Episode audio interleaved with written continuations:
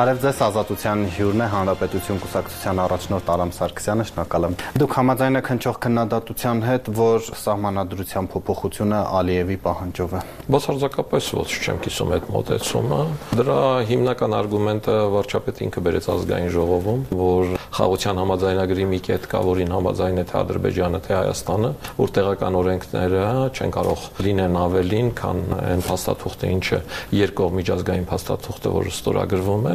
Ես կարծում եմ, որ Ադրբեջանը Թուրքիայի համապատասխան կառույցների օժանդակությունից օգտվելով, վերլուծական հիբրիդային պատերազմի կառույցներից օգտվելով, որոշեց համանadrության հանրակրվեի հետ կապված այն խնդիրները, ինչը Հայաստանի ներքաղաքական դաշտում կարող են աշխուժություն առաջացնել, օգտագործել դրա համար, որովհետև ես համոզված եմ, որ մեղրի միջանցք ստանալու միակ տարբերակը հիմա մնացել է ոչ թե ուժով տարբերակը,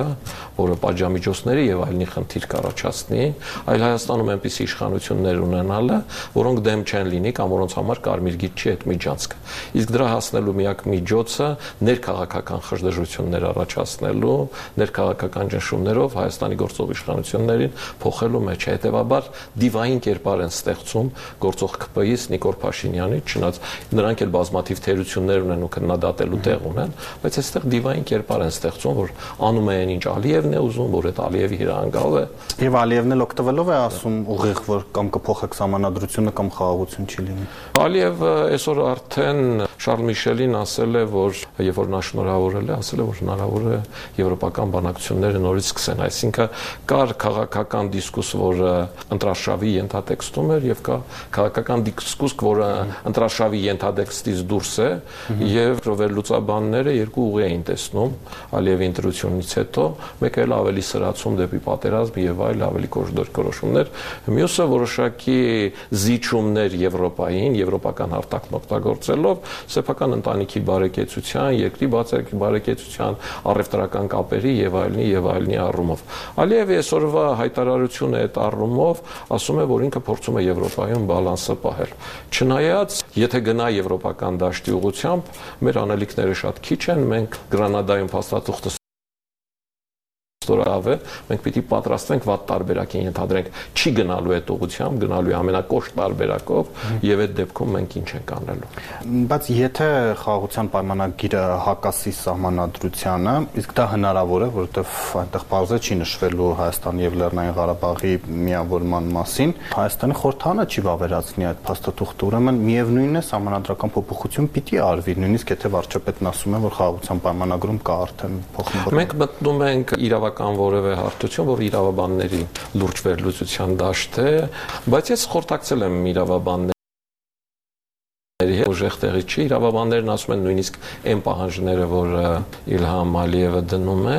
այդ պահանջներին հանգիստ կարելի է պատասխանել առանց սահմանադրական փոփոխությունների ու այդ խնդիրները լուծել հավատացեք կան նման տարբերակներ հակառակ դեպքում ոչ ասենք եթե վերցնենք Վենետիկի հանձնաժողովը որ բազմաթիվ անգամներ Հայաստանի սահմանադրությանը այո է ասել ոչ միջազգային մակարդակներում այլ սկսած 2004 թվականից հետո Մինսկի խմբում հետո արդեն եվրոպական եւ հարթակներում եւ ամնահարտակներում Լեռնային Ղարաբաղի խնդրով հարցը քննարկելու առումով խնդիրը կդներ Ալիևը ինքը կասեր որ չեմ գնում Գրանադա հենց այն պատճառով որ Հայաստանի սահմանադրության մեջ գրված է որ իրենք տարածքային պահանջում են ոչ թե ինքը խնդիրը կսրեր որտեվ Ադրբեջանը հիմա երկարևոր խնդիր ունի նոր գազային հնարավորություններ մեծացնելու Իրանը եւ Թուրքմենստանը գազային ուղի են անում, շրջանցելով Ադրբեջանը, տանելով։ Ինչու, որտեվ Ադրբեջանը այդքան գազը չունի եւ նոր հանքավայր իրեն պետք է։ Իմիջիալոց ֆրանսիացիներն են ուզում այդ հանքավայրը բացեն, նախնական պայմանավորվածություններն եղել են, դեռ կողմերը չեն հրաժարվել, բայց ներքին բանդ կա։ Ու Ալիևը շատ լավ հասկանում իրեն պետք չէ, իրեն լիգիտիմ որևէ բան էր պետք դնել Այսինքն իրավական առումով այդ արգումենտն աշխատող չի։ Այդ ներքաղաքական դաշտի վրա աշխատող արգումենտ է։ Եվ բնականաբար այն ինչ որ խաղաղության համաձայնագիրը լինելու է կամ սահմանադրության փոփոխությունն ինչ որ լինելու է, բերվելու է, դրվելու է հանրային քննարկման Դա չի կարող առանց հանրային քննարկման։ Ինք ուղակի քվե չի կարող ապահովել։ Եվ այսօրվա իշխանությունը դեռ որևէ կոնկրետ փաստաթուղթ չի դրել հանրային քննարկման։ Այ երբ որ կթնի հանրային քննարկման, այդ ժամանակ ձեր հարցին ես կամ պատասխան կունենամ, կամ պատասխան չեմ ունենա։ Այսօր չունեմ դրա պատասխանը։ Իսկ դուք կհամաձայնեք վարչապետի հետ, որ մեզ պետք է նոր սահման առումով մեկ, երկրորդ, որ մենք խնդիրներ ունենք անկախության հռչակագրի հետ կապված։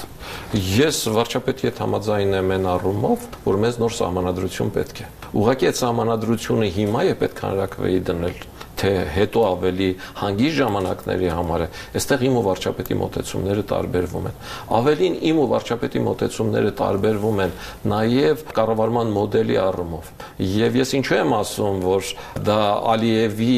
կողմից մեր առաջարկը օգտագործելու մեջ է, որովհետև դեռ 2017 թվականին ել դաշինքի շրջանակներում այս բանավեճը սահմանադրության մասով այն ինչ կա Նիկոլ Փաշինյանի հետ տեղի է ունեցել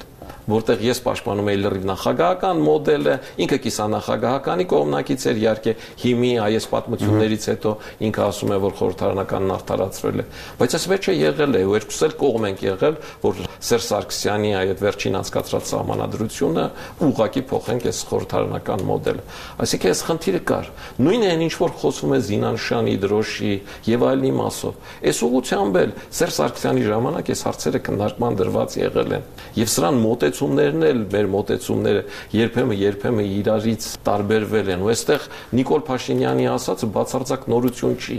բացարձակ Նիկոլ Փաշինյանը կրկնում է այն ինչ ասել է իր համաերկրացի Վանո Սիրադեղյանը պատմական հայրենիքի եւ իրական հայրենիքի մեջ, որ պատմական հայրենիքը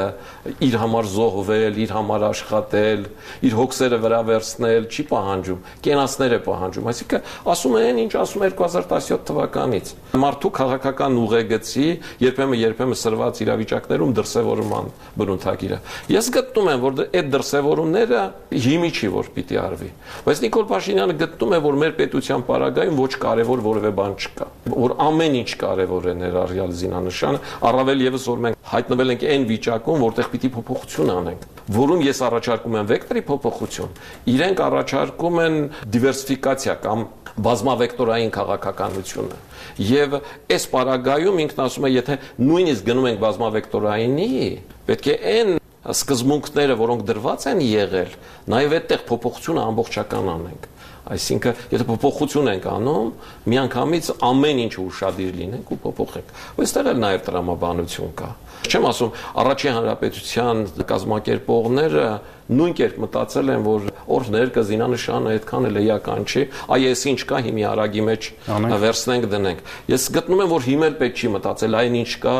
արագի մեջ փոխենք ինչ որ բան դնենք։ Ես գտնում եմ, որ այո, մենք պետականություն ենք կերտում, սրանք լուրջ հարցեր են, սրանք արժի լուրջ քննարկել Ալիևից, Նիկոլ Փաշինյանից դուրս մասնագետների տեսակետները լսելու երաժիշտների, նկարիչների եւ այլնի այդ գործի մասնագետների եւ ընդունել այնպեսին, որը միշտ մնա։ Դուք անձամբ չեք կարծում, որ անկախության հռչակագիրը ի վերջո հայ ժողովրդի երազանքներ, իղձեր, պատմական արդարության մասին հարցերը բարձրաձայնում եւ դրանցից հրաժարվելը վտանգավոր է, նշանակում է խաչ քաշել դրանց վրա, որտեղ վաղը մի կարող է հայանպաստ աշխարհակարգ հաստատվել։ Որ ճապոնացիները երազանք ունեն Կուրիլյան կղզիները հետ բերել, դա միանշանակ է որ Միացյալ Նահանգների իշխանությունները երազանք ունեն Ռուսաստանը կործանել, դա էլ է միանշանակ։ Բայց իրենց իրենց սահմանադրության մեջ չեն գրել, չէ։ 200 տարի այդ սահմանադրությունը չի փոխվում, չէ։ Դրա գրելու իմաստը ինչու՞մն է։ Մենք հիմի տակտիկական եւ տեսական խնդիրների լուծման լուրջ խնդրեմ ունենք։ Անկախության հռչակագրում գրված է, որ Հայաստանն ու Արցախը պիտի վերամիավորվեն։ Ես ու դու հայ մարդիկ ենք։ Արցախն էլ սիրում, Հայաստանն էլ սիրում Ես օրինակ համարում եմ, որ առաջիկա 5 տարիներին որևէ տարբերակ չկա, որ Արցախն ու Հայաստանը վերամիավորվեն։ Կա տարբերակ, որ Արցախայությունը հետ գնա Լեռնային Ղարաբաղ եւ իր իրավունքները պաշտպանվեն։ Այս ուղղությամբ աշխատել է պետք։ Բայց որ Արցախն ու Հայաստանը վերամիավորվեն, առաջիկա 5 տարիներին գոնե այդ տարբերակը չկա։ Կա ուրիշ տխուր բան կա ռիսկ, որ առաջիկա 5 տարիներին Հայաստանի ինքնուրույնությունն ու պետականությունը ռիսկի տակ է, որ կարող է այն չլինել Իսկ այդ հաղթահարելու համար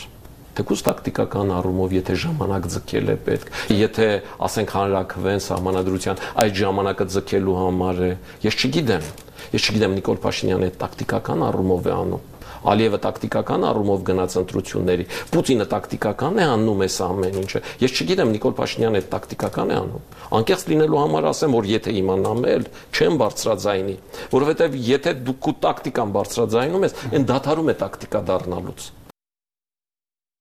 Կամ ու եթե դրա համար է անում, ես դրան կողմ եմ։ Եթե դրա համար չի անում, ուրեմն ուրիշ ժամանակում է պետք այդ սահմանադրության հանրակրվե անելը դրոշի ու զինանշանի հարց նայելը։ Պարոն Սարգսյան, դուք տեսնում եք նաև արտահերտ ընտրությունների օրակարգ, որովհետև ընդդիմադիրներն ասում են, եթե համանadrությունն է փոխում, թող նաև Ֆինդալինի, նաև արտահերտ խորհրդանական ընտրություններ անցկացվեն։ Ես համոզված եմ, որ Նիկոլ Փաշինյանը ինքն էլ է այդպես տեսնում։ Մերժում են իշխանականները, ասում են չունենք անորակարգ։ Բացարձակ ակնհայտ բաները մերժելը այդքան էլ ճիշտ բան չի։ Սամանադրության հանրակրվեն եթե դնում ես, հույս ունես, որ այո ես ստանալու։ Եթե ոչ ես ստանալու, այդ քո իշխանությունը թույլատնելու է։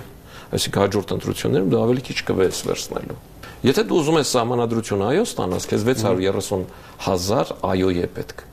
630 հազար այո ստանալու համար գոնե 1 միլիոն 800 հազարից 1 միլիոն մարդ պիտի ընտրության 630 հազար այո ասի ոչ ասողներ էլ կդնեն, չէ՞ որ պարագայում է որ մի միլիոն մարդ կգա ընտրության երբ որ խորհրդարանական պետական իշխանության անհատի իմ քո ընտրություն կա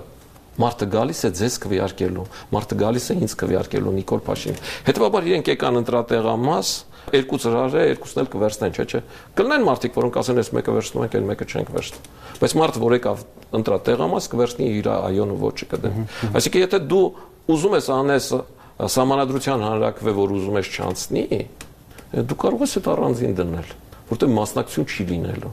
Իսկ եթե դու ուզում ես այդ անցնի, իսկ տրամաբանությունն ասում է, որ իշխանությունն ուզում է այդ անցնի, այդ դեպքում այդ իրար հետ են դնելու։ Երկրորդ իշխանության տրամաբանությունը ձեռ է ձեռք է տալիս, որ այդ իրար հետ դրվի, որ իրենք ասեն այս համանadrության այոն նաև մեզ վստահության հանրակրվեի։ Այդ խնդիրը այս ենթատեքստում է։ Այսինքն այն ինչ որ ասում են ընդդիմադիրները, այդ բխում է այսօրվա գործող իշխանության շահերից։ Այսինքն կարծում եք, որ եթե հանրակրվեի գնա Փաշինյանը, պետք է զուգահեռ անցկացվի արտահերթ խորհրդանական ընտրություն։ Ինչքան ես եմ տեսնում իշխանության տրամադրությունները, իշխանությունները հանրակրվեի կգնան ամենաուշ է տարի աշնանը եւ իմ համար միանշանակ է, որ դա կլինի նաեւ արտահերթ խորհրդարանական ընտրությունների հետ միասին։ Ես կարծում եմ, որ իրենք դեմ չէին լինի գարնանն էլ գնալ այեմին, ուղղակի նույն սահմանադրության հանրակրվեի խնդրով, այդտեղ առաջարկվող փոփոխությունների ու քննարկումների խնդրով, առավել եւս այնպիսի մարդիկ, ինչպես Յոնիսյանն են եւ այլը, որոնք բառ առ բառ ամեն ինչ տեղ շատ ժամանակատար են։ Այո, շատ ժամանակատար է ու իրենք էլ թույլ չեն տա, ինչ ասում եմ դրական ենթատեքստում Յոնիսյանի օրինակը, որ թույլ չեն տա իրենք մինչև այդ չկնարկվի կբողոքեն։ Այդ առումով հետեւաբար լավագույն դեպքում իշխանությունը կարող է դրան հասնել աշնան։ Դուք ասացիք, որ Ալիևը Միջանցքի ուժային տարբերակ չի տեսնում վախենալով պատժամիջոցներից, բայց չեղան այդ գործում պատժամիջոցները, ես նկատի ունեմ տնտեսական սանկցիա, մեկուսացում աշխարից, գուցե այո, ԵԽՎ-ում պատվիրակության հերացումը, բայց Ալիևը մեղմ ասած ասած չվախեցավ դրանից, նույնիսկ ինքն է սպառնում դուրս գալ Եվրոպայի խորհրդից։ Սա կարող է նշանակել, որ կհանդուրժվի նաև Հայաստանի վրա հարձակումը։ Նախ ասեմ, որ Ալիևը դուք ճիշտ եք, սկսեց անդադ կտրել կարմիր գծերը։ Եվ այդ կարմիր գծերը կտրելը իր հետ բերեց Եվրոպայի համարժեք հակազդեցություն այդ հակազդեցությունը խորացավ այնքան, մինչև Միացյալ Նահանգների պետդեպարտամենտի քարտուղարի այս տարածաշրջանի գծով խորհրդականը Օբրայնը հայտարարեց, որ եթե դուք փորձեք այդ խնդիրը լուծել ուժային ճանապարհով Միացյալ Նահանգները կօգտագործի ոչ գործիքակազմը։ Իսկ եթե դուք փորձեք շրջանցել դա, այդ ճանապարհը ուղղակի չի աշխատի, մենք դա թույլ չենք տա։